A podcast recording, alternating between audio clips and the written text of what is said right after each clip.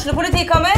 Ine Jansen er purk. Er du purk? The motherfucking bitch. Alt jeg vil, er å finne ut hva som skjedde med mannen min. Jon Carew. Er jeg sikta for noe? Iben Akeli. Det er du. Ole So, Lars Berrum og Big Daddy Karsten. Hvem sin side er du på, egentlig? Anette Hoff, Tone Danielsen, Kommer du fra Afrika?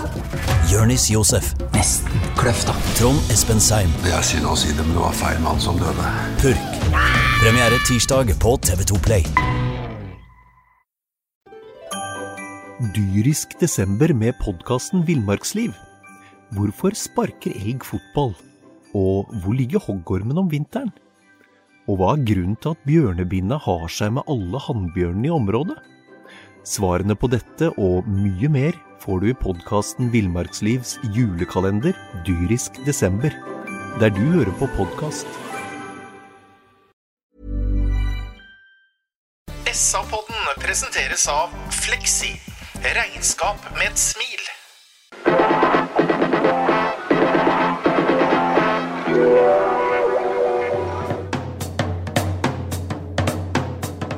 Sarpsborg Arbeiderblad gir deg en ny episode av SA-podden med Sven René Nygård, Øystein Weber, Petter Kalnes og Bjørn Inge Bingen Nilsen. Hei sann, og velkommen til et uh, podkaststudio der det er eh, høy stemning. Stor stemning, for å si det mildt. Velkommen til uh, SA-podden.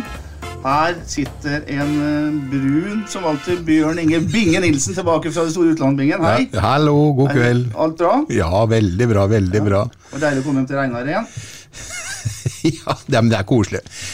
Familiemiddag, barnebarn og alt har sin sjarm, vet du. Både her og der.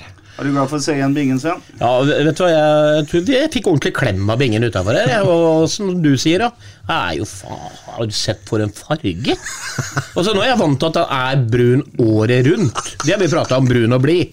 Men eh, nå har den jaggu steppa opp et par hakk. Sven Nygaard, altså glad for å se Bingen. Og så sitter da selvfølgelig Øystein Weber her. Hei. Hei, og jeg må også si at Bingen er pen i dag, altså. Og alle som skal på Olsen pub til onsdag, kan jo glede seg, rett og slett, til å se hvor flott han Jeg tipper han kommer til å ta på seg hvit skjorte i tillegg, så da får du nyansene der. Og det kommer til å bli flott, altså. Jeg snakka med Elin Andersen, han var veldig overraska. Var nesten bare kvinner som hadde kjøpt øh, plass. Jeg vet ikke. Jo, men det var jo opprinnelig derfor Bingen ble rekruttert inn i dette her, for å høyne kvinneandelen. Ja. Ja, for Det vi sier da, er at faget er ikke til stede, men det er bare utseendet på den. Ja, men Utseendet har alltid vært viktig for Bingen. Sånn har det alltid vært. Det er jo derfor han gledet seg før han spilte kamp. Ja, ja, sant det, sant det, Petter. sant det. Jeg heter fortsatt Peter Kalnes og skal eh, sammen med disse guttene preke om en fabelaktig fotballkamp. Syns iallfall jeg. Hva er vi vi vitne til da, Øystein? Nei, vet du hva, I dag har vi vært vitne til noe ordentlig stort. altså. Vi møter et lag som har alt å spille for. Det heter Rosenborg. De har hittil i år spilt 14 hjemmekamper. Det har resultert i 12 seirer, eh, to uavgjort.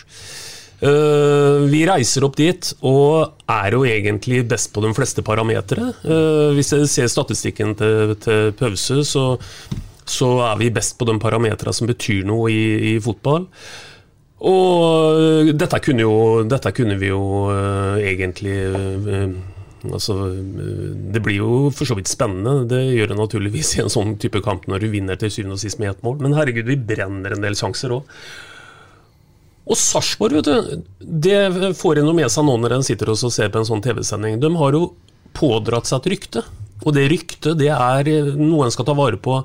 Det er nemlig et rykte som går nå på at Sarpsborg er en veldig stor underholdningsfaktor i, i fotball.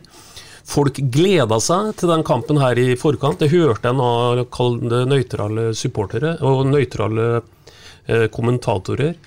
Men, eh, men eh, jeg må si at eh, eh, å reise opp der og vinne 3-2, det er helt fantastisk. Hva var ditt uh, helhetsinntrykk, Binge? Uh, helhetsinntrykk uh, var i dag uh, at jeg trodde ikke vi skulle skåre det tredje målet på overtid, men jeg syns det var utrolig uh, Hadde blitt utrolig lei meg hvis den kampen hadde endt 2-2, ut ifra hvordan vi presterte, produserte og hadde ballinnehav mot en veldig vanskelig Rosenborg. Motstander som har hatt vind i seilet, og som Øystein sier eh, har eh, spilt 14 hjemmekamper Øystein, før i dag. Ubeseira. Og, ja, og er ubeseira. Og, og, og det er liksom ikke noe tilfeldig blaff at vi erobrer ballen og kommer gjennom midtbanen og har en kombinasjon på høyre eller venstre. Vi har stort sett kombinasjoner over hele banen gjennom hele kampen. Så jeg syns det her var en, eh, en stor avslutning på en voldsom siste tredjedel av sesongen. Mm. Tenkte du da det var slutt, Sven? Nei, for helt ærlig så Jeg var mektig imponert jeg, av 90 minutter pluss tillegg. Eh, og jeg har bestemt meg for det i dag, at man, hvis man analyserer kampen, så kan man sikkert finne noen negative ting og sånn, men shit au, jeg driter i alt som skulle være negativt da, for i dag er det bare positivt. Og det er som eh, gutta sier her, det er, det er bare en positiv fotball. Vi fillerista Rosenborg på Lerkendal, som Øystein var inne på, mot et lag som har 15 000 mennesker på tribunen. De kjemper om sølvet foran Glimt. De vet med seier så kan det gå. De var så langt unna dem, så det var eh, helt utrolig. 08 dominerte kampen på alle mulige måter. Vi hadde noen fotballtrekk ut på kantene med klikk-klakk og Nei, de, de, de så svimle ut, så det her er eh, Jeg, jeg bare tenker, jeg. Ja. Nå ser vi hvilket potensial det 08-laget har. Som jeg sier, Det her kunne sett sånn ut borte mot Jerv, det gjorde det. Hjemme mot eh, antatte båndlag. Men når vi gjør det i siste seriekamp borte mot et sultent Rosenborg For et potensial! Og for ei gruppe vi har å jobbe med. Så nå håper jeg alle kluter blir satt til for å få flest mulig av stammen der til å bli med videre. For gjør de det, så ser jeg ja, nesten ikke grenser for hva det laget kan få til. Og bare for å ta en overskrift til, da, Petter, før vi dypdykker litt mer i det etterpå. Eh, så vidt jeg har fått med meg, så altså, For å bare ta det siste poenget til Sven først, da, bare så folk skjønner hva vi snakker om her. Eh, per 13.11.2022 så, så har vi et fotballag vi aldri har sett her i byen. Eh, det er, det er på sitt beste. Helt makeløst på sitt beste. Og så tror jeg det er en eller annen utkjøpsklausul på en som heter Anders eh, Hagelkjær på er fem millioner. Kan du bekrefte det, Petter? eller? Jeg kan ikke bekrefte men det er den summen vi har hørt. Vi får jo alle sånn bekrefta, men det er det vi hører i rad om. Ja, da. ja. Og da vil jeg bare si én ting til det, og da er jeg den første som skjønner altså, at du, du, du må på en måte ha noen penger for å kunne gjøre økonomiske, fornuftige disposisjoner. Det må ligge i bånn. Men hvis det ligger i bånn, og det, det, det, ligger bare en vurdering igjen i forhold til å kalle det økonomien i det, løp og kjøp! Og så kan jeg godt si en ting igjen til. Jeg er helt enig med deg. Men eh, til dem som ikke eller var forhindra til å se kampen, eller eh, leser overskriftene og ser at der, Oi, helsike, 08 vant eh, 3-2 eh, mot Rosenborg borte i går på Lerkendal så kan jeg godt si det at det hadde faktisk ikke vært feil om det hadde stått 7-3 eh, til Sarpsborg ved slutt. For så mye positivitet og sjanser og underholdning hadde den kampen her, sånn, så vi fort kunne ha skåret det. Fantastisk kamp og en fantastisk avslutning på sesongen. Ja, helt enig. Øystein har allerede brakt et tema på banen. Vi tar det likevel med en gang. Vi hadde jo egentlig tenkt å vente litt med det, men selvfølgelig så var Øystein tidlig ute. Jeg har vært tidlig ute med mye rart, da. Fem millioner kroner, vi antar det. Leker med det tallet der, Sven. For en midtstopper. Er Sarpsborg 8 på det nivået der? Hvis jeg tar noen forutsetninger her nå Hvis de ti kampene til Hagelskjær Hvis ikke han har overprestert i alle de kampene, det er ikke sånn han egentlig er, Eh, han har jo ikke kommet med fast i Danmark, men hvis det her er det nivået Hagerskjær skal være på, så løfter nå det 08-laget så ekstremt mye. Det er én ting. Og fortsetter han i det sporet her, så får du jo 30-40-50 for den senere. Mm. Altså, han, han, dominerer norsk eliteserie. Altså, han er høyreist og holdt på å skåre i dag. Han eh, lager litt gule kort, eh, kjefter på motspillere, styrer spillet bakfra. Han, han er så god. Så Klarerer i ja, trengte så hvis ikke dette her er overprestering, hvis dette er nivået til Hagerskjær som han stort sett kommer til å være på, så er det jo en investering. Det er ikke en utgift i det hele tatt. En uh, opsjonsavtale foregår sånn at uh, klubbene er gjennom en sum. Hvis spilleren vil til Sarpsborg, og Sarpsborg er interessert i å betale den summen han er enig om, så kan ikke den danske klubben nekte å gå til uh, Sarpsborg 8. Det er greie. Men fem millioner for en midtstopper er tross alt i midtstopperbingen. Det er ikke en spiss som skårer masse mål. Er det forsvarlig å bruke den pengesummen på en sånn type? Ja, Vi snakker om uh, store summer i norsk fotball etter hvert òg. Og jeg syns absolutt at det hadde vært en god investering å hente Hagelskjær. eh, og jeg er veldig sterk i troa på at han har hatt en positiv opplevelse etter å ha vært med i ti kamper nå. og blitt kjent med byen, blitt kjent med laget, blitt kjent med menneskene på stadion. Og fått være med på å løfte et lag eh, opp som han har vært. Og jeg antar at han vil, og hvis han vil, så er det bare opp til 08 å signere og gjøre han til 08 sin eh, best betalte spiller. Og tenk dere da, mm, øh, uavhengig om vi får til det eller ikke får til det, da, så har altså Hagelskjær skaffa seg nå et, øh, et, moment, et poeng på CV-en sin, hvor han, om det jeg skal si nå, det er 100% riktig. Hvis Hagelskjær nå skulle kommentert det, så kunne han sagt som følger Jeg kom til et lag som hadde tapt ni av de ti siste seriekampene. Det lå på nedrykkskvalik. Men etter at jeg kom inn i det laget, så spiller jeg 100% av tida, og laget har ikke tapt. Så uansett, Hagelskjær har gjort jobben, altså. Kan du bare fortsette å spørre, du som har det i hodet. Hvor mange poeng har vi på de ti siste? 22 poeng. 22, ja. Og det, det kan jeg godt si, for vi skal komme mer tilbake til bakgrunnsdata på, på onsdag. Men vi kan si det veldig klokkerent at Sarpsborg har tatt nest mest poeng i Eliteserien. Eh, Selvsagt bak helt suverene Molde, som har 15, eller har 10 av 10 seirer. Det er 30 poeng. Vi har 22 poeng. Og, og er faktisk det nest beste laget i de ti siste serierundene. Mm. I tillegg til alt annet med Hagelskjærsen, som, som vi har nevnt. Altså, altså Han er god forsvarsspiller, han er god med ball, han er eh, plasseringssterk, bra i lufta osv. Så, videre. så er det det faktum at han er venstrebent. Og i internasjonal fotball så er det nå helt tydelig at man ønsker to stoppere med, med hvert sitt beste ben, og at du trenger en venstrebent eh, stopper. Snakka med en annen i forsvarsspiller i klubben her om dagen. Han uh, sa akkurat det samme. Billborns måte å spille fotball på, da trenger du et en venstrebent midtstopper. Og da det er jo enda et eh, argument for å beholde den. Ja, og spesielt i måten Billborn vi spiller fotball på, hvor eh, midtstoppere skal være en del av prosessen da, i det offensive. De skal jo på en måte få keeper, eh, ball fra keeper og vinkle pasninger, slå gjennom ledd, alt dette her, som Soltvedt for øvrig gjør som sin venstreback. Mm. Eh, og, og han, er, han er ikke bare en forsvarsbauta. Det er som jeg har sagt tidligere her i dag allerede, er at han han, han gjør så mye fornuftig med ballen som gjør at det offensive spillet kan starte tidlig, kan komme i overtall, skape de mulighetene vi så i dag, pga. at han er fotballklok og han er pasningssikker. Og så når du i tillegg er defensivt god, så begynner vi å snakke om klassestopper, og det er jo det alle her er enige om. nå. Dagligvareeksperten Anders Nei, Anders sier jeg hører nå. Øystein Weber sier altså løp og kjøp, så da Ja, men det jeg også sier, det er at uh, han har også den rette alderen, ikke sant? Uh, hvis han ville vært her i byen. Så um, henstill til Borregaarden, da. Bruk fem tømmermillioner her på å kjøpe han.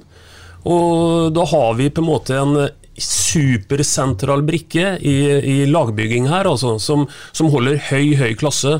Og med, med, med en sånn en på plass, så går det an å sikte høyt. Og så kan du tjene penger på det i neste omgang. Ikke? Ikke minst. Ja.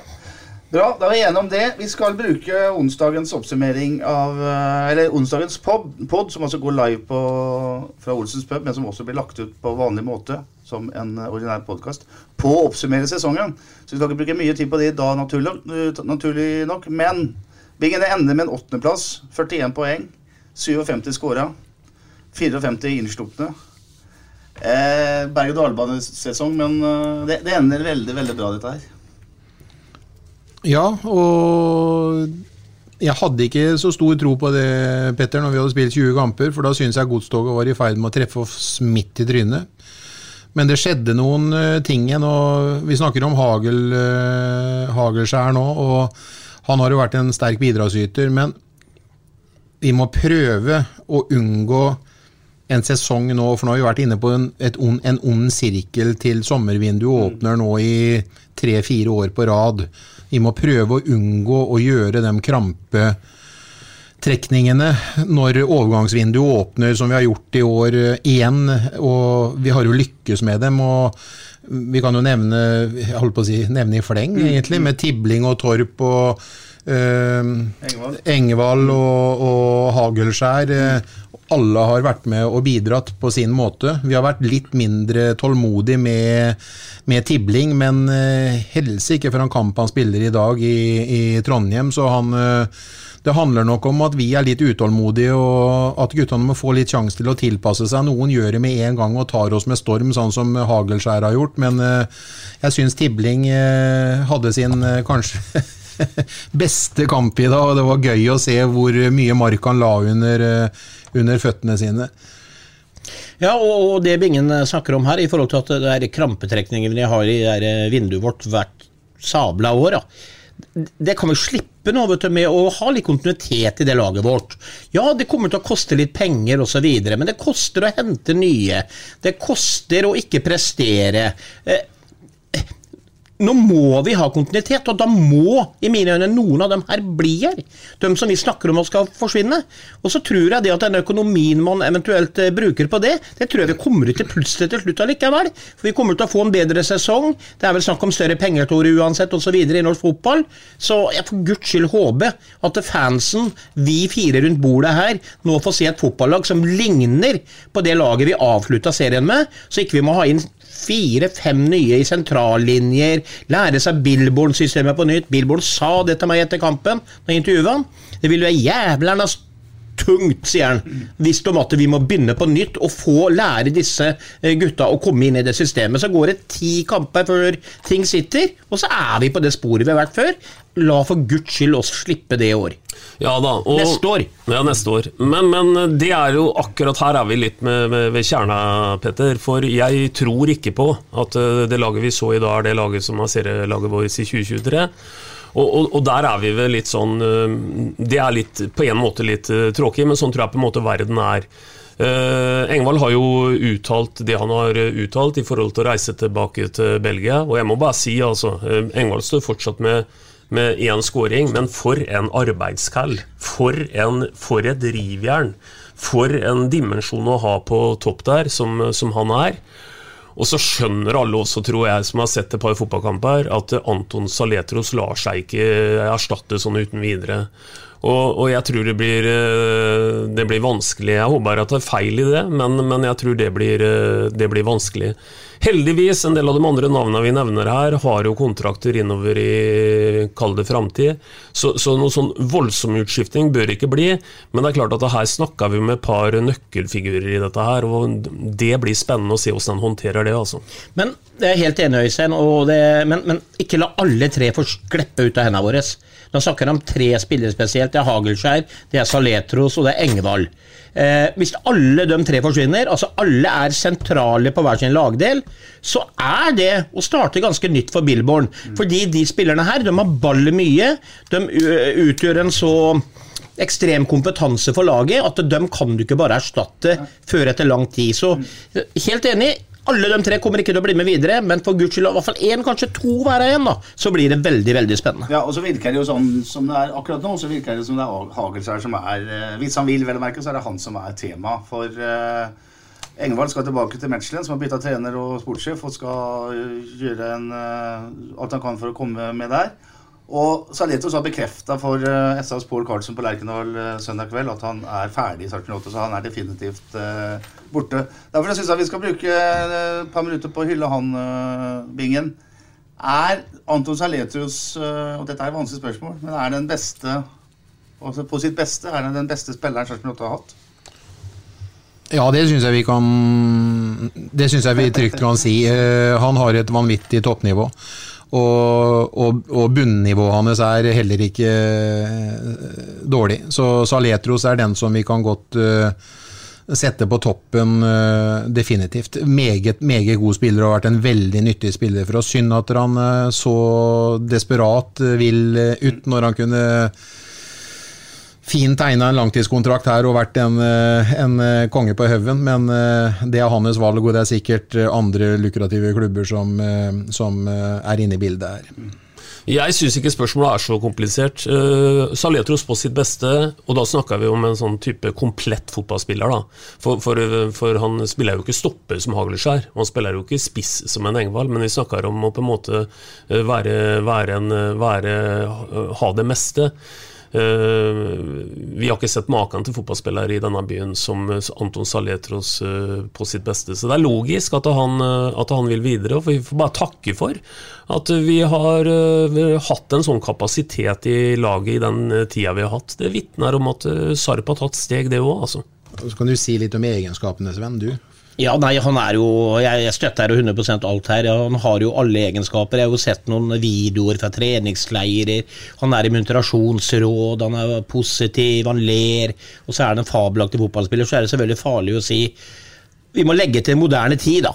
Eh, her i Sarpsborg. Ja, eh, Sarpsborg 8 nå. Ja, ja. Sarpsborg 08. Så er jo han uten tvil det, fordi mm.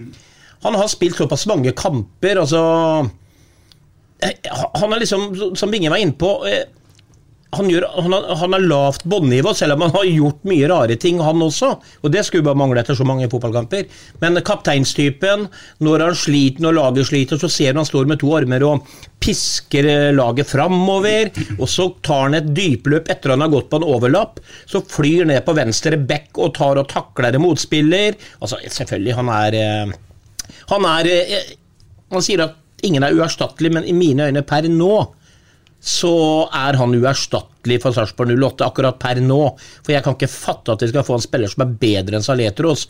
For han, han vil bli dyr. Og så er det en liten ting til, og det er veldig symbolsk for eh, Saletros. Etter 24 minutter i dag så står han på rett sted og stopper skuddet til Kasper mm. Tengstedt på mm.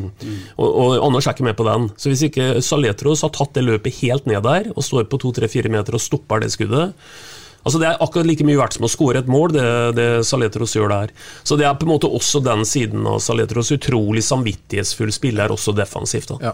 Hvis det er siste jeg skal si om Saletros, så er det Han er venstrebent, fotballklok, flott venstreben, enorm arbeidskapasitet. Det var noen som fleipa med det her i poden at han spilte til og med Soltvedt god på venstre bekk, for hvis Soltvedt ikke rakk hjem etter å raida opp, så tok han og tok en tur innom midtbanen, uh, Saletros, i tillegg til at han rakk ned og bryte på plassen til Soltvedt før Soltvedt var uh, rukket tilbake igjen. Han, uh, han, går foran som et godt eksempel. Uh, nødvendigvis ikke så, så voldsomt verbal som Steffen Ernemann var, for å si det sånn, men han, gjennom gode prestasjoner så er han på en måte Det er noen som er kapteiner gjennom gode prestasjoner, og det er noen som er kapteiner gjennom å være motivatorer, men han har definitivt, pga. kvalitetene sine, det kapteinspinnet på armen etter at Joakim har blitt skada, og det har han, har han, har han altså Det har han båret med stolthet, og han har vært en, en kanskje en, en, voldsom god kaptein for oss i serieavslutningen. Også Det som også er deilig med Saletros, er at han er han er selvransakende på seg sjøl. Han er bånn kritisk når alle andre ser at ting er dårlig parfymerer ingenting, sier at det her var ræva av meg, eh, på det målet han eh, får skylda på stadion en gang igjen. Så går du ut i pauser i intervjuet på Eurosport og sånn og sier at eh, ting er rett og slett altfor dårlig. Så de, de, har noe å ta tak i, mens andre kapteiner noen ganger kan si at eh, parfymerer det og sånn. Jeg tror han er eh, han får med seg resten av laget, da, fordi at han er så Han, hater sikkert å tape i ludo, han vet med unger og alt som er. Han er en vinnertype, selvransakende, og så er han eh, som sagt en eh, knakende kjekk gutt i, i, i, tillegg, sånn som jeg opplevde det. Og så er det jo fantastisk at den beste spilleren Sven også er den som løper mest og, og ofrer mest og takler mest og liksom er ja. ja, men det er kaptein, det. det, er, det, det da står du der med en, eh, et stor forbokstav, ikke sant. Mm. Han, han, viser i sitt embete som kaptein at han skal gå foran alle de andre, mm. og det gjør noe Uansett, enten det er kommentarer hvor han er ærlig som jeg sier på at ting er dårlig, og, eh, og det at han løper mer enn andre, Og eh, nei, dette var offa meg, Saletros! Han tar- skulle aldri ha slutta. Nei, han skulle ikke det. Og han tar rett og slett og avslutter, hvis det er riktig de kildene du har, Petter, så avslutter han denne epoken her med stil. Og det er en grunn vet du, til at eh, Billborn og Company eh, kjører inn en kaptein, hvor det antagelig er avklart at det er, det er siste opptreden. Det er ikke noe sånn langtidsgreie rundt det. Men han, han ofrer seg da igjen. Eh, Det er jo ingen som kan eh, si at Saletros i dag har en ny arbeidsgiver i mente. Han, jo, han ligger jo nede, og en lurer jo på om han kan ha pådratt seg noen skader. Så gjennom profesjonell, takk for eh, bidraget ditt, Anton. Ja, det syns jeg var bra sagt. Vi takker Anton Saletros for eh, det han gjorde i Sarpsborg 8, og så ønsker vi ham velkommen tilbake en annen gang. Uh, Sarpsborg 8 har for øvrig gjort det til vane å vinne på Lerkendal. Det er ganske kult å si. Ja, det er litt spesielt å si. Det være ikke det? To ganger. Blir ikke det da en trend? Jo, trend? eller? jo det Gjentagende prosess. Du kan nesten kalle det en Han tradisjon. vant jo, som, man Ja. husker, som vi husker 1-0 i fjor også, da Joakim Thomassen skåra seiersmålet. I dag så stiller Bilborn Billborn med et lag der han eh, setter Ole Jørgen Halvorsen inn på laget for viktene, Vikne, og så setter han Viktor Torp inn på, i tierrolla for uh, Stephanie Skålevik. Det betyr Anders Kristiansen i mål, da. Ole Jørgen Halvorsen til høyre, Joakim Soltvedt til venstre. Junior er høyrestopper, Anders Hagelskjær er venstrestopper. Altså Halvorsen og Soltvedt er da sidebekkene. Saletros og Simon Tibling sentralt midtbane. Mikkel Maigård, Viktor Torp, Tobias Heins og Gustav Engvald er de eh, fire fremste. Og det som er et, Jeg kan også nevne at det sitter to unggutter på benken. Både Elias Høvg og Jesper Wikstrøm Johansen. Bra at de får kjenne på det. Å være på Lerkendal med ja, det var 15 000 de, de kom til. Men Sven, eh, Rosenborg i en 3-5-2-formasjon. Dem, eh, dem blir skjørt fra første spark på ballen. Ja, de henger ikke med i hele tatt. og Det er jo derfor jeg sier at eh, det vi ser av 08 i dag, det nivået der er eh, ganske unikt i norsk fotball, tenker jeg. Fordi at dere, uansett hva du prøver på der, så har altså De, de bruker ett og maks to touch hele veien offensivt. Idet Rosenborg er på vei inn i press, så slår de ballen til en ny kamerat. Kommer nytt press, hæler igjennom på høyrekant og kommer på overlapp. Og eh, de eh, åpna jo sidene sine veldig, eh, men vi er også dyktige da på å ta de her overgangene, tenker jeg. Fordi når Rosenborg noen få ganger hadde ballkontroll på vår bane, så ser vi jo hvor livsfarlig vi er motsatt vei. Apropos 1-0, hvor Reitan misser på den, men samtidig hvor vi stormer i bakrom.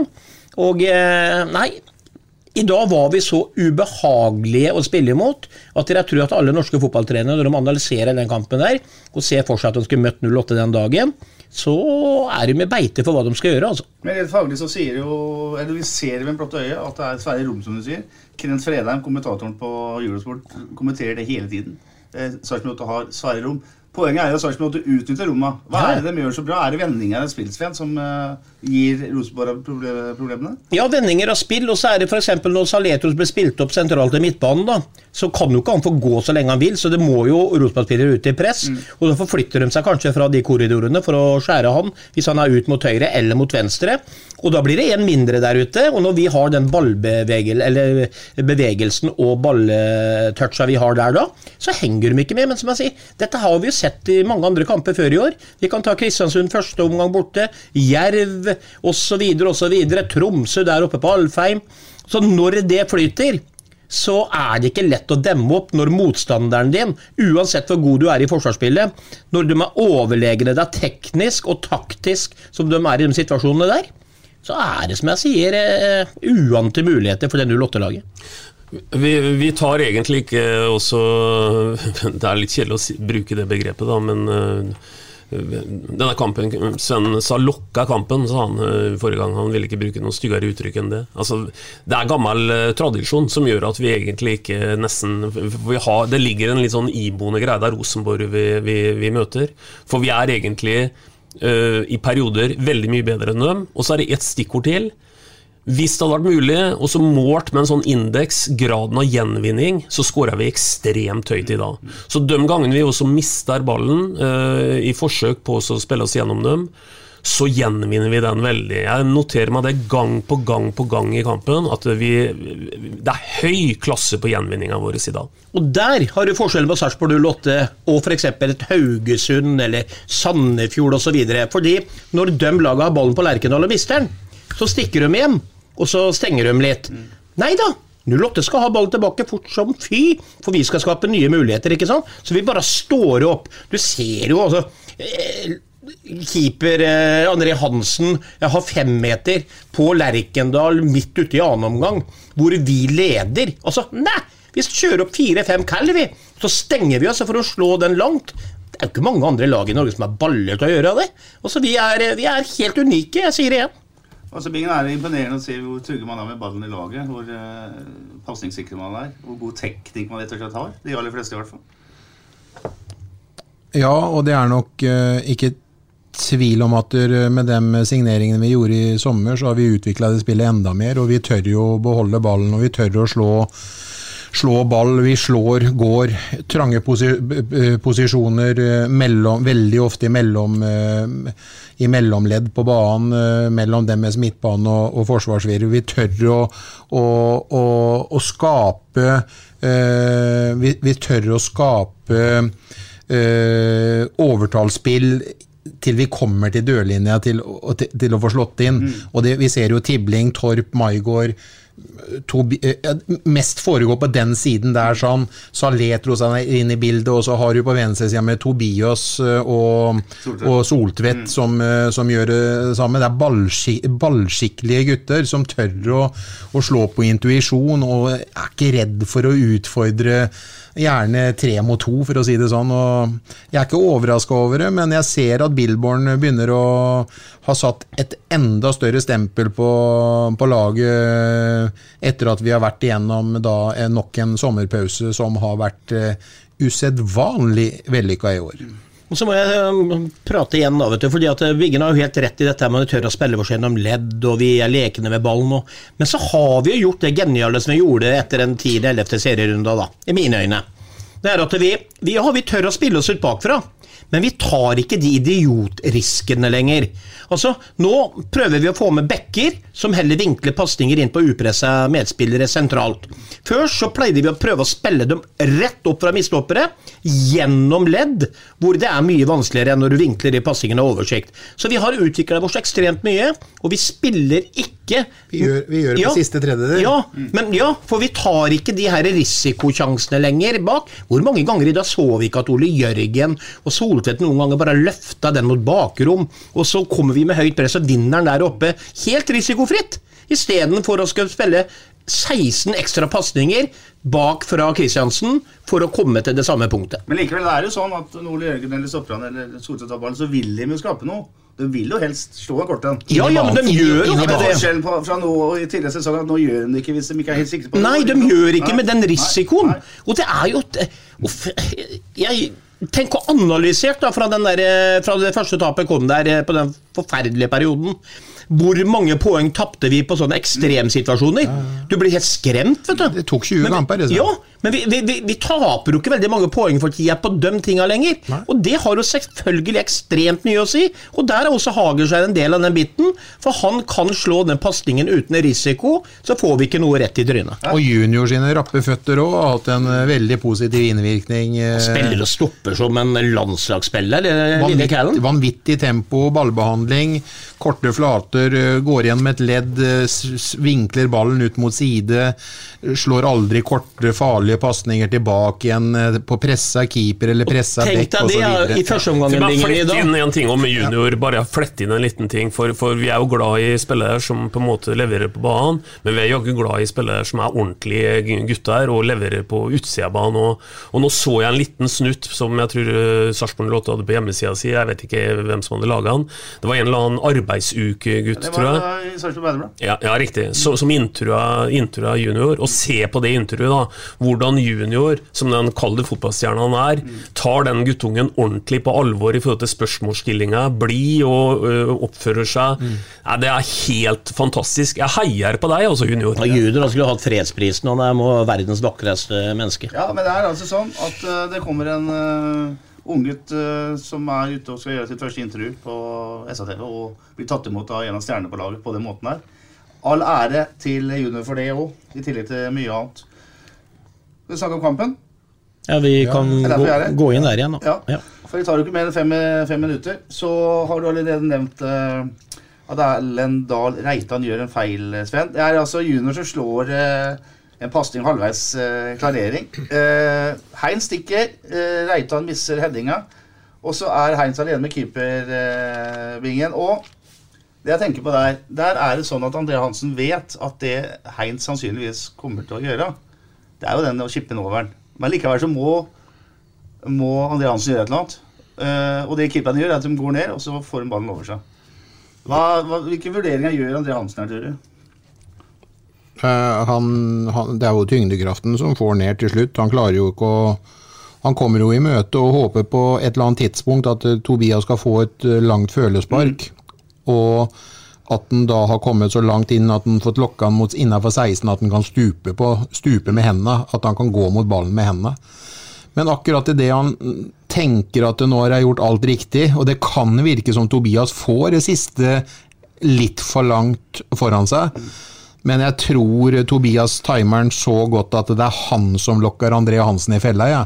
og får ned slik at han kan få, få den uh, kippen som, som, som svært Jeg kan si Jeg skal ikke si svært få, men uh, det er en klasseskåring utført av en uh, veldig teknisk god uh, avslutter i Tobias Hein som setter den uh, 1-0-skåringen. For at det, er ikke alle spisser som, som, som, som, gjør det der. Nei. Så snakker vi ofte om Sven, at når spillere får for god tid, så begynner de å tenke. Og her har han nå såpass god tid at han kan tenke seg litt bort, kan han ikke det? Og Jeg jo tror egentlig det at det, han Tobias pleier å gjøre der, er at han eh, vel ofte setter den til venstre for keeper. Eh, og pga. det touchet, som enten er det medberegna, eller så er det et dårlig touch som ødelegger mye for André Hansen. At han på en måte forventer kanskje å gjøre seg stor og få han til å bende i lengste. Det skjedde jo senere i kampen òg. Eh, men så kan jo ingen ta ifra Tobias av hvordan han chipper den ballen med den følsomheten der. Det er, eh, det er kun, eh, som Bingen sier, teknisk gode, skolerte spillere som klarer. Eh, Vi har mange andre fotballspillere der som hadde missa på den i 08, men Tobias var nok den beste å få i den situasjonen der. Det gjør det i fart, og det gjør det på gress. Mm. Bra prestasjon. Eh, 15 skåringer på en sesong, Øystein. Eh, Hva sier det? Altså, sett prestasjonen til Hein sett inn, litt inn i et Sarpsborg 08-perspektiv her. da. Nei, i et Sarpsborg 08-perspektiv så er jo, er jo øh, helt unikt. Vi har jo snakka om at vi har hatt tolv skåringer på en ren spiss. Her snakka vi om, om en Tobias Heins som er en kant, og som setter, setter 15 mål. Han, altså, han skårer i snitt annenhver kamp, i tillegg til at han har en haug med målgivende. Så, så det er ikke så vanskelig å sette det inn i et øh, 08-perspektiv. Aldri vært gjort maken.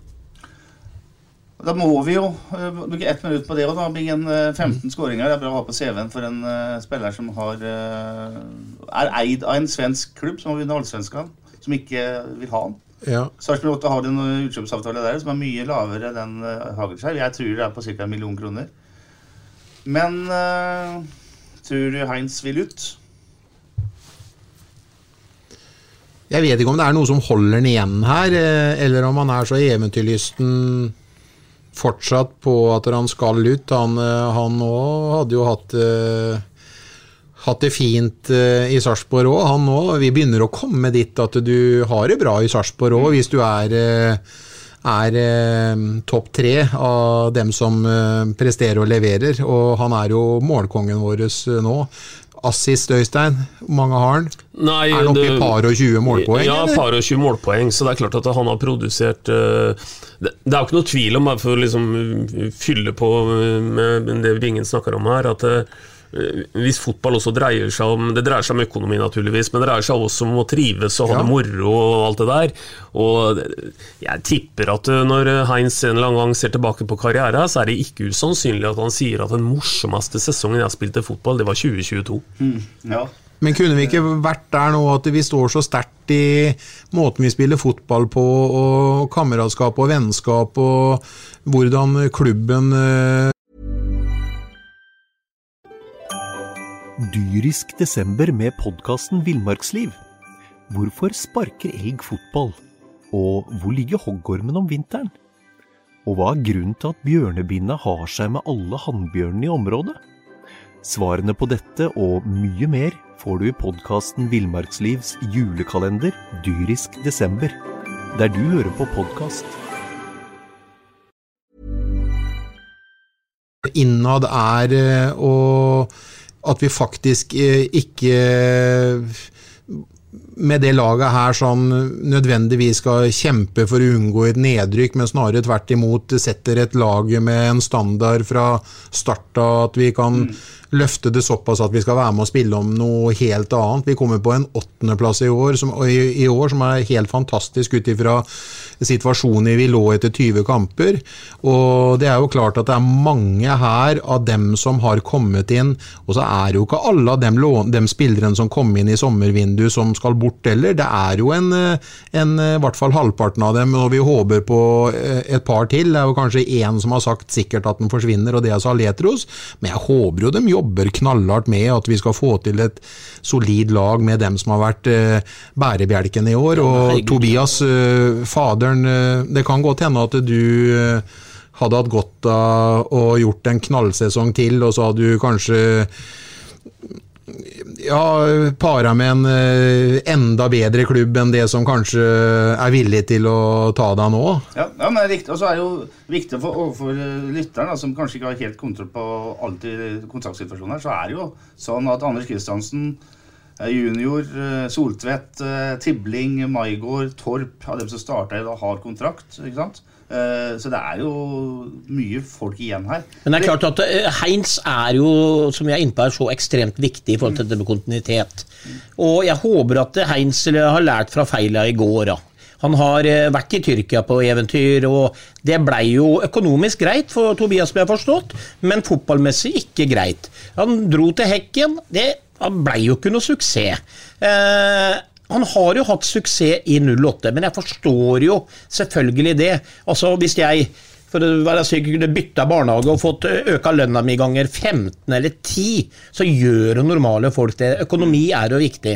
Men hvis ikke springbrettet er så ekstremt høyt, så mener jeg at Tobias har godt av å som ingen er innpå, være her litt lenger, og at klubben også bør investere der hvis det er en million kroner. For du får jo ingenting for det da vi skal kjøpe en spiller som ikke er bossmann, ikke sant.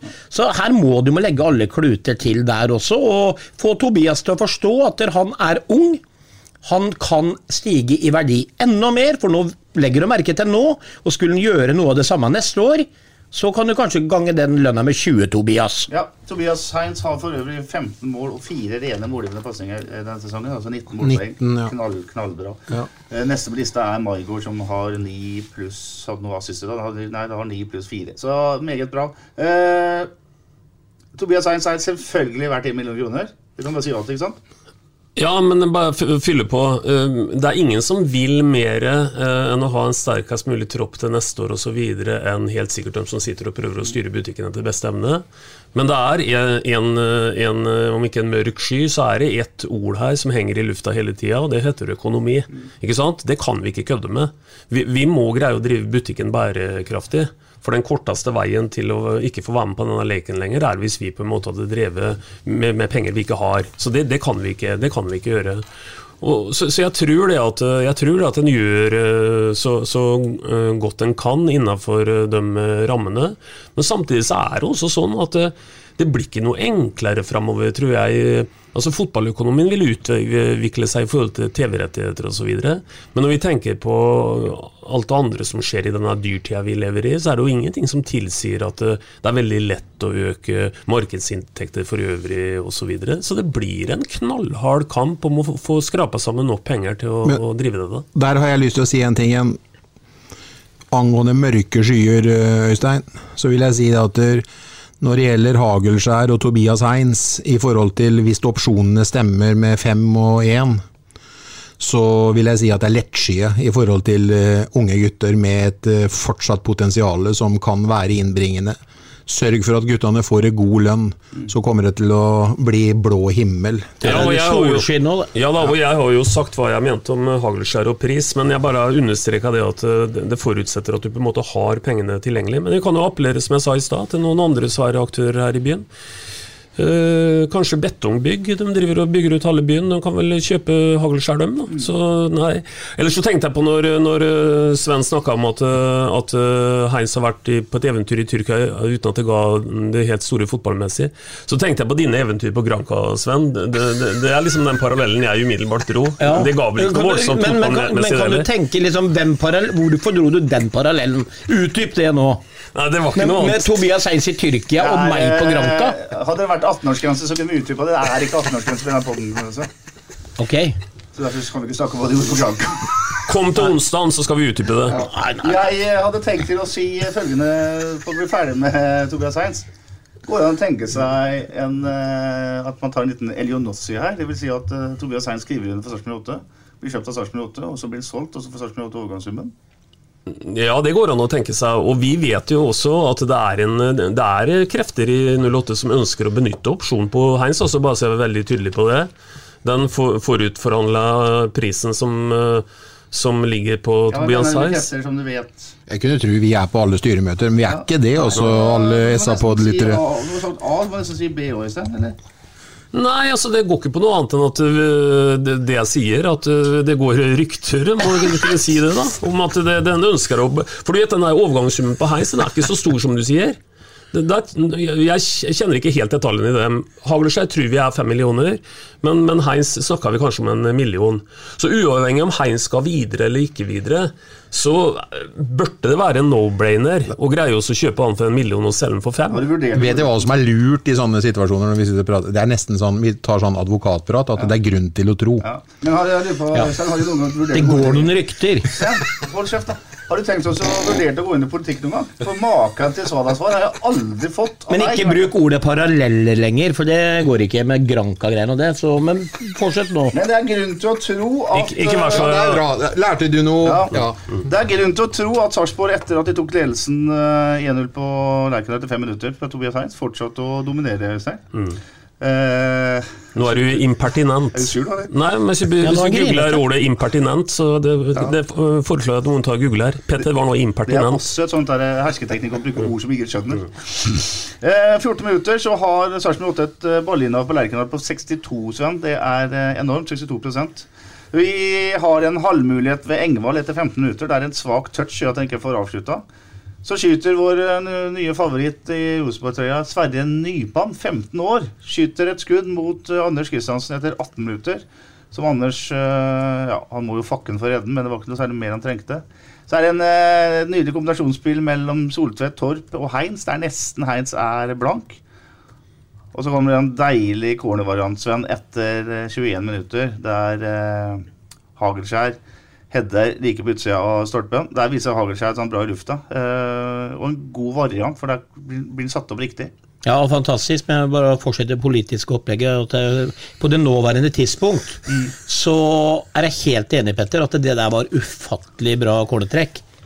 Hørtes det greit ut? Ja, ja, det hørtes ja, veldig bra ut. ferdig. Nei, vet du hva, det var, men der- viser jo Hagelskjær den der majestetiske måten han går opp på.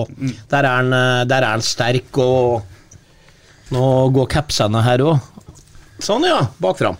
Eh, jo, fantastisk. Øystein, du ødelegger jo alt. Det er grunn til å tro at han satte seg på riktig ben der. Det ja, det var ikke noe sånn dobbelt opphopp Nei, som han Nei, nei, nei, nei, nei, Nei, det er helt konge. Eh, nei, det er fantastisk trekk. Eh, som jeg sier. Hakelskjær han kommer jo nesten upressa, rett og slett. Men han gjør en veldig god bevegelse i forkant, for han har jo en mann på seg. Men han gir et rett røkk framover og tilbake, og så er han på blank. Og der, Hagelskjær, var du irritert på deg sjøl etterpå, for den kunne sittet. Ikke sant? 21 minutter så er den uh, Tengsted-sjansen som Øystein nevnte sa. Der Saletros redder på mer eller mindre på streken. Eh, og så er det en situasjon etter 25 minutter der Viktor Torp blir brutalt takla av Leo Kornik, venstre høyre, vingbekken til, uh, til Rosenborg. Han er så sent inne. Eh, jeg syns nesten det er rødt kort. Ja, tenk om Torp står fast Ja. uh, med benet i gresset der. så Så, ja. så er det jo karriere det, Jeg husker Sil, Sel, eh, Siljan Skjelbred fikk en sånn en for 15 år siden oppe på Lerkendal mot Olympiakos. Ja. Og der gikk ankelen rett av. Så det er nesten helt sånn Det er en gris, grisete takling, og eh, resulterer i mine øyne rett og slett å ta kortet ifra brystlomma og så bare vise den rett ut. Det var så rødt. For Torp er på mange måter ferdig med situasjonsvenn når, når det kommer. For han er så sent. Han har slått ballen, da. Ja, ja, ja, og det, er, eh, og det som irriterer meg, at fjerdedommen det står ikke så langt unna der, han heller.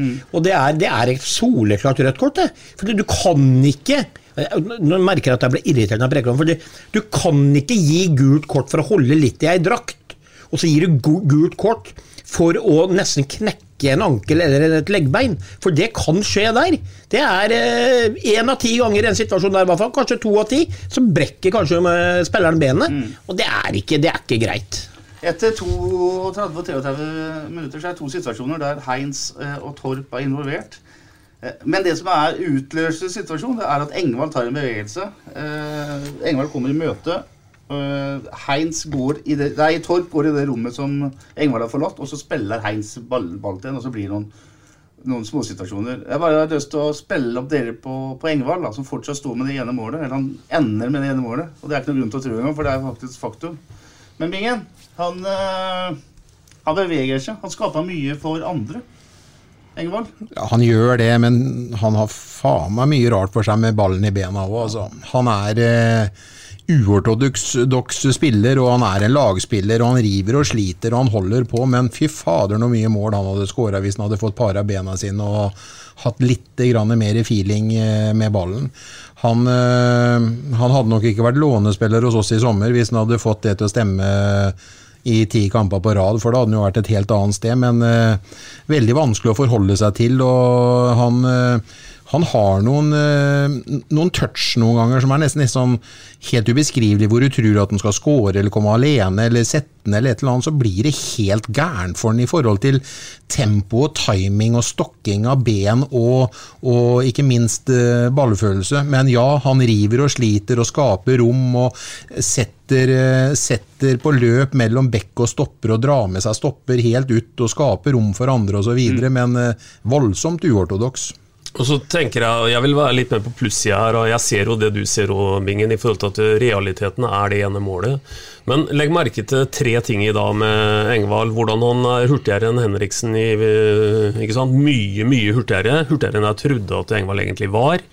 Legg også merke til den han får spille over hvor han er i offside, men offsiden er ikke stor, altså. Du skal fryse det bildet og titte ganske nøye på det. Den setter noe klokkerent uh, rent inn. Uh, han er han er fryktelig nærme, altså. Uh, det er klart, det blir litt å gjenta seg sjøl når det når det uh, gjentar seg over tid. Jo, den tredje situasjonen jeg måtte si, Bingen. Uh, André Hansen er vel kanskje keeperen i Norge med, i Eliteserien med lengst rekkevidde. Den hadde han bruk for på skuddet til Veldig bra Engvald. avslutning, men jeg syns det er litt sånn typisk for Engvald òg. Ja, ja. Men, men det er veldig nære her at han, at han hadde fått, fått både ett og to mål i dag òg. Ja. Vi må ikke glemme at han faktisk har spilt på laget i alle de kampene vi ikke har tapt. da. Jeg sier det. Nei, ja, det, det, det, det, ja, men det, er litt viktig, det. Fordi meg, at han, gjør så motstanderen får problemer. Han holder på ball mer enn de fleste andre spissene i Norge. Vi må huske på at han spiller spik mo alene der oppe. Altså Han har egentlig ikke mye støtte, men likevel så klarer han å dra en mann, vinkle ballen ut på kanter. Vi starter et nytt angrep. Så det er Men jeg er jo helt enig, Bingen. Men hvis du legger det negative, for nå var det du Du sier jo positive ting, men du er jo mest negativ. La meg si det sånn Ja, litt men- men enklere men for en sammen- en lytter og si det sånn at eh, vi, kan, eh, vi får den på godt og vondt, da. Ja, men det er jo helt sant. Ja. Det er helt sant. Det var godt sagt. Etter 34 minutter så kom en situasjon der jeg tenkte på Det så nesten ut som det var mistoppa på Tunevann i gamle dager. For det Sam Rogers gjør der, er eh, bra, Sven. vet du. Han eh, spiller der opp eh, Viktor Jensen, som skipper den tilbake til. Han legger den ned og dunker den inn på volley. Sidehall skjev, liksom. Ja, sånn. sånn, Ja, ja. Drar den inn, eh, drar den inn bra ordentlig. Ja, men eh, de, du- de spilte ikke på Tune, den som gjorde det der i dag. Nei, Målet er jo det er klassemål, men du begynner å lure på om, eh, om det er sånn at, eh, at vi slipper At vi blir Nå pga. at det er en forsvarsspiller som, eh, som spiller ja. opp til, til dette her. For Viktor Torp, eksempel, han, eh, han er jo sløv i den situasjonen her, syns jeg. Og, og i det hele tatt, Den forventer kanskje ikke at, eh, at en forsvarsspiller skal kunne spille den veggen der og så avslutte, for målet er jo helt fantastisk. Men det er jo altfor dårlig, Sven, den første involveringa til 08-spilleren der. Ja, jeg, jeg har bare en policy da. Jeg, jeg skal ikke snakke noe negativt. Jeg, er- jeg gidder ikke å lete etter eh, dårlige situasjoner i dag. Jeg leter kun etter de gode, og så får vi heller snakke om det en annen gang. Bra, det går bare to minutter, så har Sarpsborg 8 en, eh, en corner. Der er eh, Det der er en perfekt utført uh, cornervariant. Uh, Mikkel Margot på første stolpe. Hedda er i motsatt. eh, Helt strålende. Det som er Svever. fint, det er uh, to ting jeg syns er bra. De stobler jo litt folk på første der, men han som setter den, Mikkel Margot, kommer i fart. Ikke sant? Helt fri. Ja, innøvd, Helt fri. innøvd Skaper, og skaper overtall. ja. Og så er det som jeg sier, altså, Vi har jo snakka om det før, både med han og Heinz. Det, det er ikke alle som har ballefølelse på huet òg. Og det, har, det ser at Margot har der. Fordi at den, den headingen der er ikke lett å skarve akkurat nok til han går i lengste uttagbart. Men det gjør Maigård, for det er, det er den feelingen han har i, i kroppen sin. Det gjør han, eh, og det du sier der, Sven, han har feeling i huet. Hvor mange kamper er det siden når vi leder 2-0 som blir 2-2 til pause? Hvor er vi er hen da, Øystein? Vålerenga. Da han styrer den tilbake igjen i, eh, til der ballen kom ifra. Fantastisk. Det var nesten sånn med Er det noe som heter Ohms lov? Det var uansett i hvert fall veldig høyt nivå på det, på det, på det Maigård gjorde da, og for så vidt det han gjør også nå.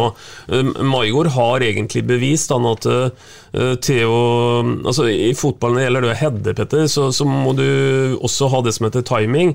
Og Maigård er ikke den største spilleren ute på banen, sånn, sånn fysisk, men han har en timing som er til ti av ti. Absolutt. Og heldigvis så hører heller ikke Kjetil Rekdal på Arne Skeie, da, så de har heller ikke folk på stolpene for det. Det målet der blitt avverget, Sven. Ja, hvem vet, hvem vet. Hvem vet, hvis du står der og får den rett på deg, så klarer du å Han var ikke helt på første, da. Han var litt ut. på bakre, ja.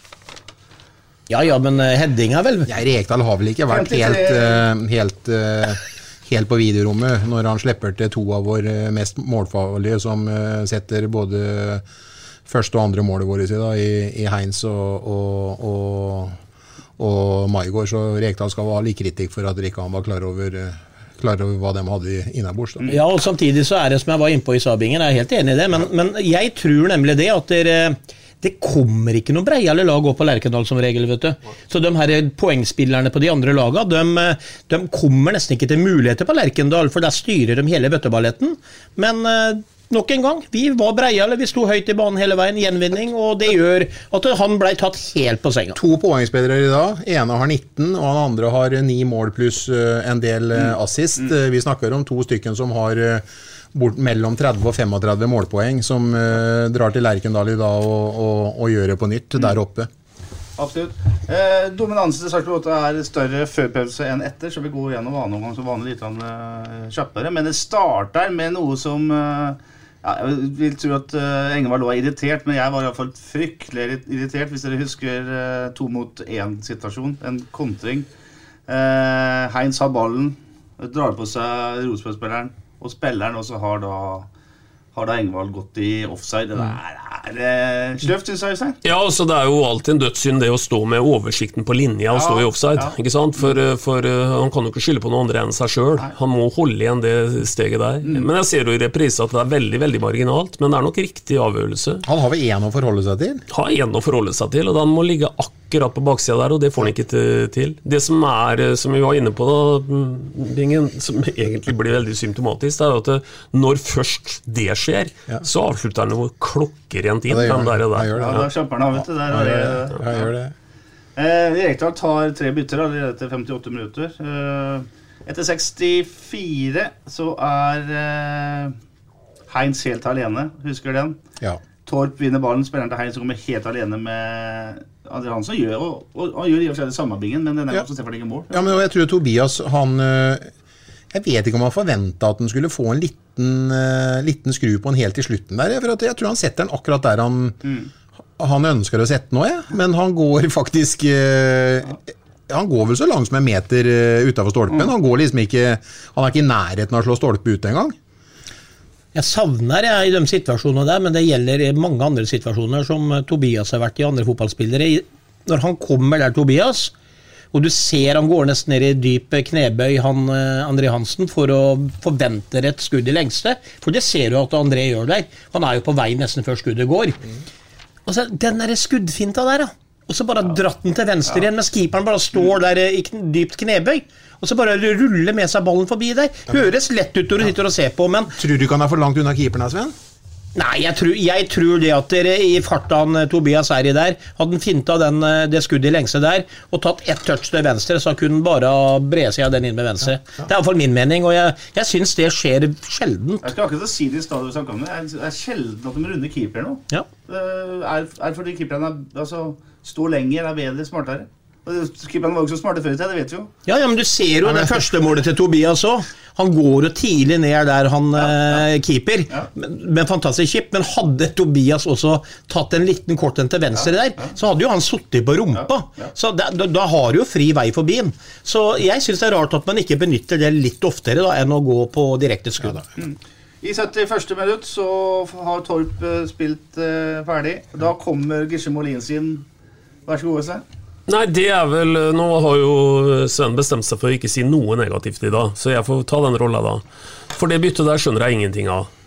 Uh, av flere grunner. Uh, jeg syns jo det, det er absolutt nesten ikke noe negativt å komme med i dag, Sven, men, men å bytte inn Molins for det første så, så øh, blir ikke laget noe bedre med å få inn Molins på kontra Torp, selv en litt mer mør, mør, mør Torp enn han er før start, antagelig. Men det er jo mye mer spennende å tenke en Fardal Opseth inn, f.eks. Som, som vi begynner å lukte at øh, Vi kommer jo tilbake til hva han gjør i forkant av det som blir seiersmålet vårt. Det, det skal Fardal bli takka for herfra til om ikke evigheten, så i hvert fall et øh, stykke. Jeg skjønner ingenting av det med Molins-byttet. og Molins han er igjen øh, på det sporet han har vært helt siden det slapp litt for han, og han datt ned på et mye lavere nivå. og er rett og slett ikke god nok øh, for laget på noen måte. 73 minutter, da er det Engvald og Tibling som må gå. Da kommer vår eh, alles eh, venn Steffen Lie Skålevik og eh, også Martin Høiland innpå. Da spiller altså Høiland sentra på midtbanen ved siden av Saretos. Skålevik. Vi elsker jo han på vår måte. Eh, det er ikke noe tvil om det. Eh, vi ser mye rart noen ganger i avslutninger og diverse ting. Men han skal ha en sånn liten sånn Ole Gunnar Solskjær-hylle. For hvis vi tenker tilbake til en situasjon hvor vi har hjørnespark, hvor vi kjører opp eh, remmer og tau, og så blir det noe dritt ut av den, og så kommer hun på kontraen. Se det Skålevik gjør der! Han tar altså et røsk på 30-40 meter, kaster rundt halsen på en spiller og tar et gult. Den situasjonen der kunne det blitt mål av. Ja, ja. Altså, vi snakker om at han gir juling i duell, liksom, og at han kan lokke kamper, det blir bare frispark når de leder. Der gjorde han det igjen! Han tok altså ansvar. Tok nakkegrep, rett og Det var slett. rett og slett nakkegrep, så det, det var eh, ja, Det er destruktivt, med Skålevik er, det, er, eh, det, eh, det er bra. Det er etter 77 minutter, og det er også på den tida her, når det er altså en drøye 20 minutter igjen, at, at Rosenborg begynner å komme litt mer med i kampen og begynner å ha ball litt mye. Eh, 83 minutter, så går Vikne ut og uh, Mar inn. Nei, omvendt. Vikne inn og Margot ut. Og så kommer Kristian Fardal Opseth inn for Tobias Heinz. Eh, I 86 minutter så er det en livsfarlig corner der eh, Adrian Pereira, sønnen til Thomas fra Sarpsborg, som dere vet, har kommet inn på Rosenborg, slår en bra corner som blir klarert etter mye om og men. Men etter 89 minutter så er det usymmetrisk i den bakre fireren til Sarpsborg 8. Uh, Soltvedt er litt uh, feil plassert, og Leo Kornic får en uh, pasning som han setter i mål. Og det føltes uh, ordentlig urettferdig, Binge, hvis du kan si det. Ja, men da hadde vi hatt så mye muligheter, synes jeg, til å sette en ordentlig sånn definitiv spiker i kista, og så begynner Rosenborg å tygge seg litt eh, nærmere uten at vi får ønske, det ønska resultatet eller målet som vi ønsker. da. Og eh, ja, de setter den da, og da syns jeg det var eh, Ah, da tenkte jeg da skulle det ikke forundre meg om de skårer rett til. Mm, ja, det var litt sånn følelse. Ja. Eh, det legges til fem minutter. Eh, det har gått to av den minuttene, så har oppsett, Fardal Oppsett en sjanse. Husker kanskje Hagelskjær slår en volley, et innlegg etter en corner. Ser hva han prøver på. Det var du. egentlig, men han, ja. ja. Ja, og det ville vært en typisk eh, Det er jo en sånn typisk Fardal-involvering, hvor dessverre så går den høyt over. Men han, Han eh, lever i hvert fall opp til å være på rett sted til rett tid. i hvert fall. Absolutt. Og det er han jo også da etter 94 minutter, da, da han stjeler ballen fra en eh, Rosenborg-stopper ved å bruke fysikk rent og pent. Og så har han bra blikk der, eh, der han spiller opp eh, Skålevik. Og så må Skålevik bruke så lang tid at det Ja. nesten går gærent. Ja, det ble han litt- liksom Det ble litt gæren touch ja. faktisk for Skålevik akkurat der, sånn, så han kom litt i tidsnød, altså. Men det er ikke helt er- sikkert at det er Skålevik sin Nei, det er ikke helt sikkert, men uh, jeg har sagt i alle år at mål er mål, Skålevik. Ja, det, mål er mål! Og dermed så vinner Sarpsborg 08 3-2 på Lerkendal. Eh, og er det noen gang man har vunnet ja, Man har ikke vunnet så ofte på Lerkendal, men har man, noen gang man har fortjent å vinne en fotballkamp, så syns jeg det var en kamp. Det var det. Ja, og så er det jo nesten noe vakkert med resultatet. da Så lenge vi begynte å snakke i januar måned om Billboard, han vil heller vinne 3-2 enn 1-0. Altså 3-2 var satt opp som et, sånt, et litt sånn signalresultat. Og så avslutta vi med nettopp 3-2.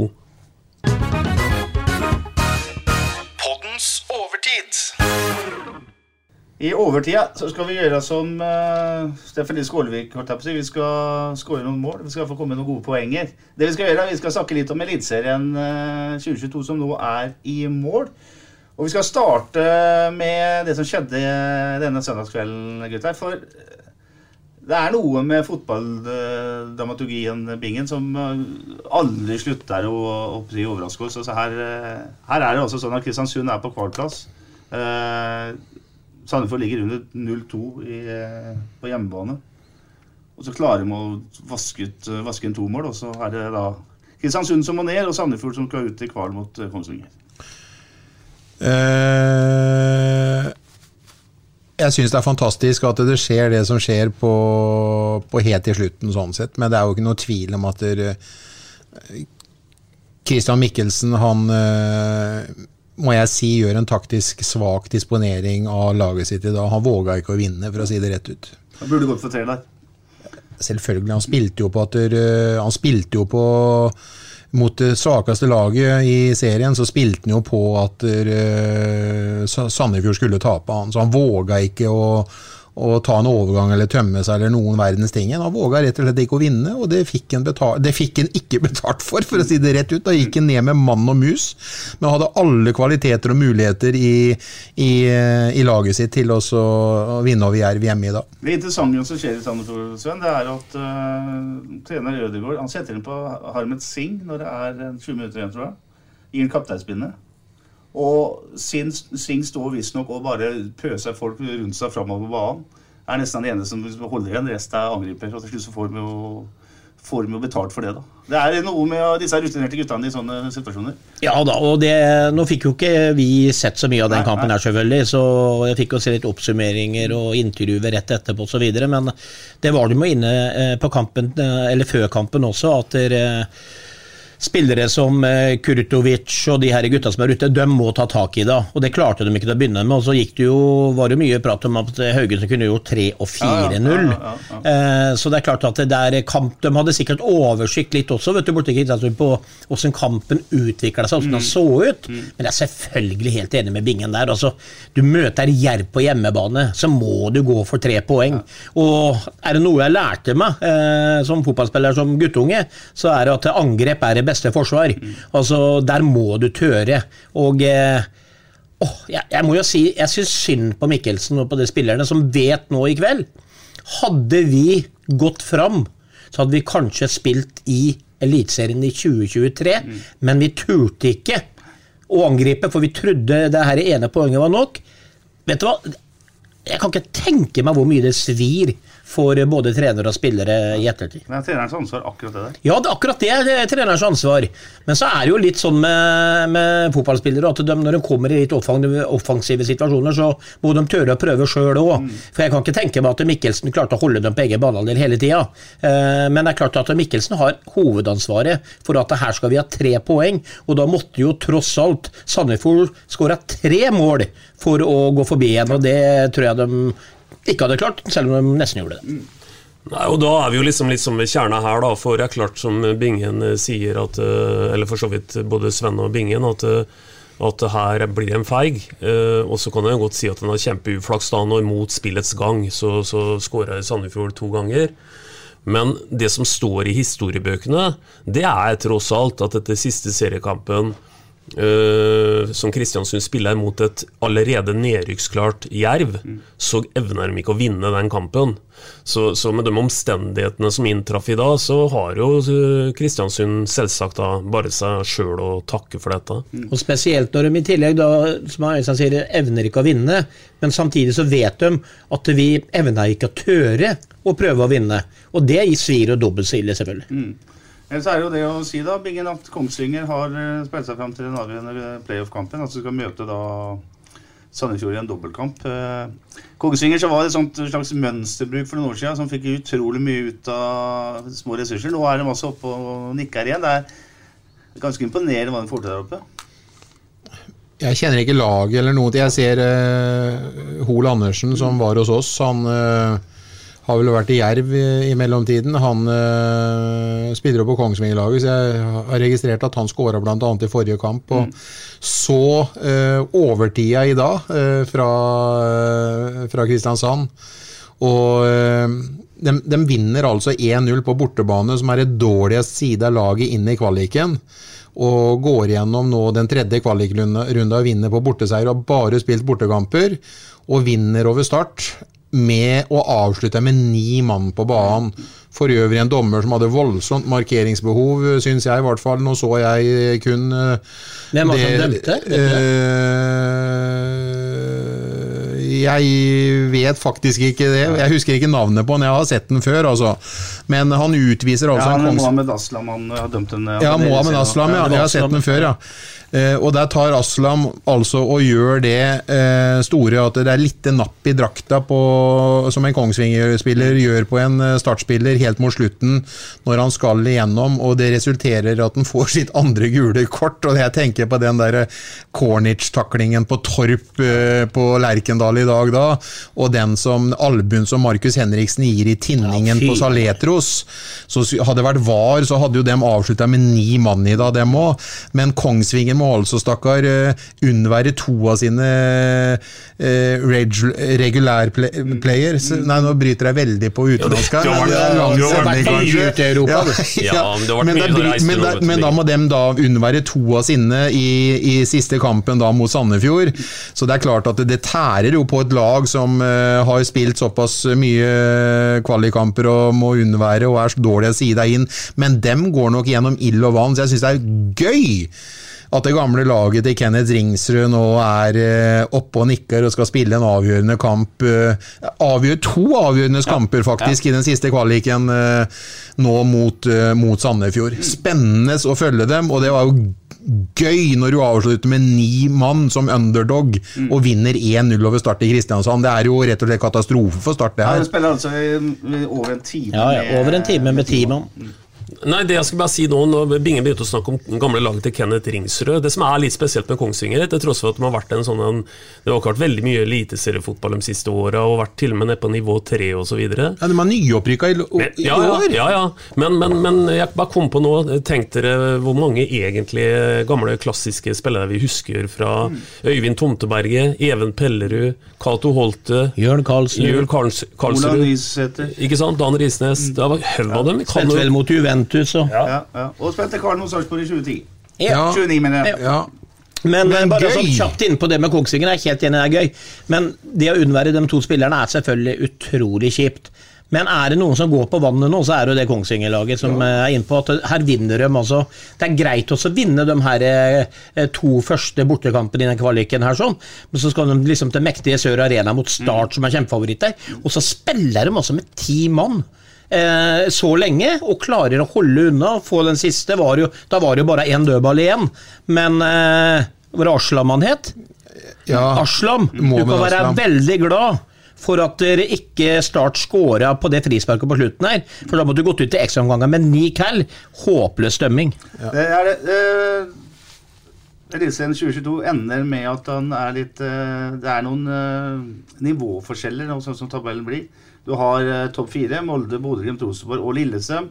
Som der altså Lillesøm har 53 poeng. Eh, Molde vinner på 78. Og så er det et sprang ned til da Odd på 45, så her ser vi et eh, lite skille. Og så er, der er det veldig tett, da. Odd 45, Vålerenga 44, Tromsø 43. Og Sarpsborg 8 har 41 på åttendeplass. Uh, Men Lillestrøm eh, har vel skuffa litt? Vel? Ja, de har vel det. Etter Europa skulle ut i Europa der, så ble det Det har knøtet seg litt der oppe.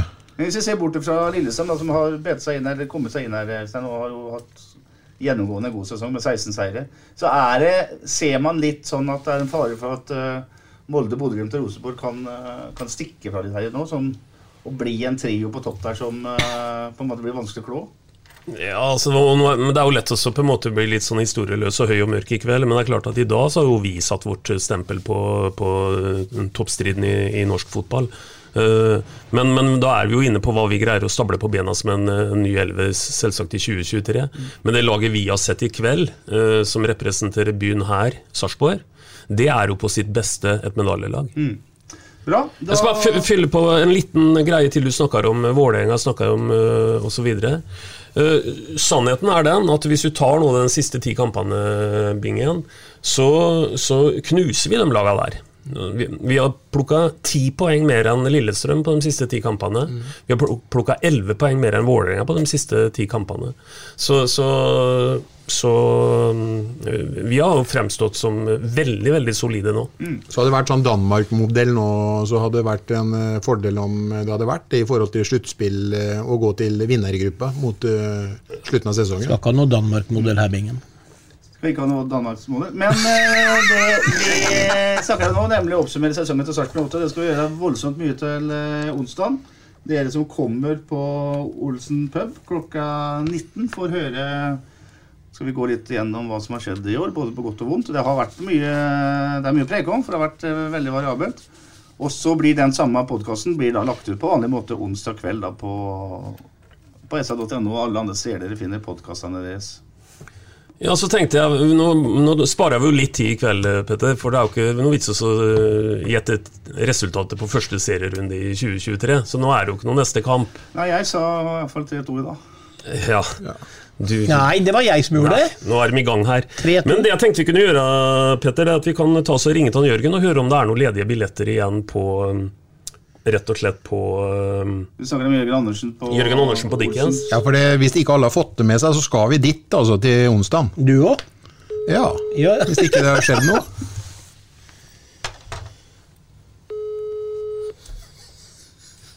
Kom meg, Jørgen. Da står det og tapper han, vet du.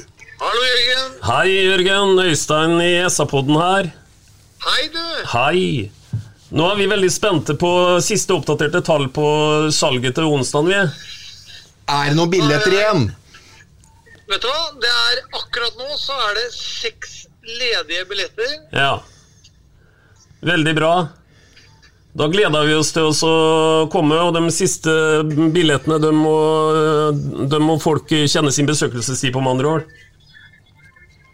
Absolutt. Og det her er, kommer til å bli kjempebra. Ja. Nei, men da gleder vi oss. Da ses vi på onsdag, Jørgen. Ha det, Vi Jørgen. gleder oss. Ha det. Ha det. Ha det. Og med dette multimediale showet som var eh, gjennomført, planlagt Og- og iscenesatt. av Øystein Weberg, som uh, i tillegg til å være vår, vårt orakel også nå er blitt vår, uh, Jeg, tekniske tekniske jeg vidunder. bærer vel strengt tatt hele poden. vår politiker når det gjelder å svare, så sier vi at vi ses til onsdag, vi fire. Det er grunn til å tro det. Det er rundt å tro det. Ja, vi prekas. Vi prekes, vi prekes. Ha det. Hei. SA-podden presenteres av Fleksi. Regnskap med et smil. Dyrisk desember med podkasten Villmarksliv.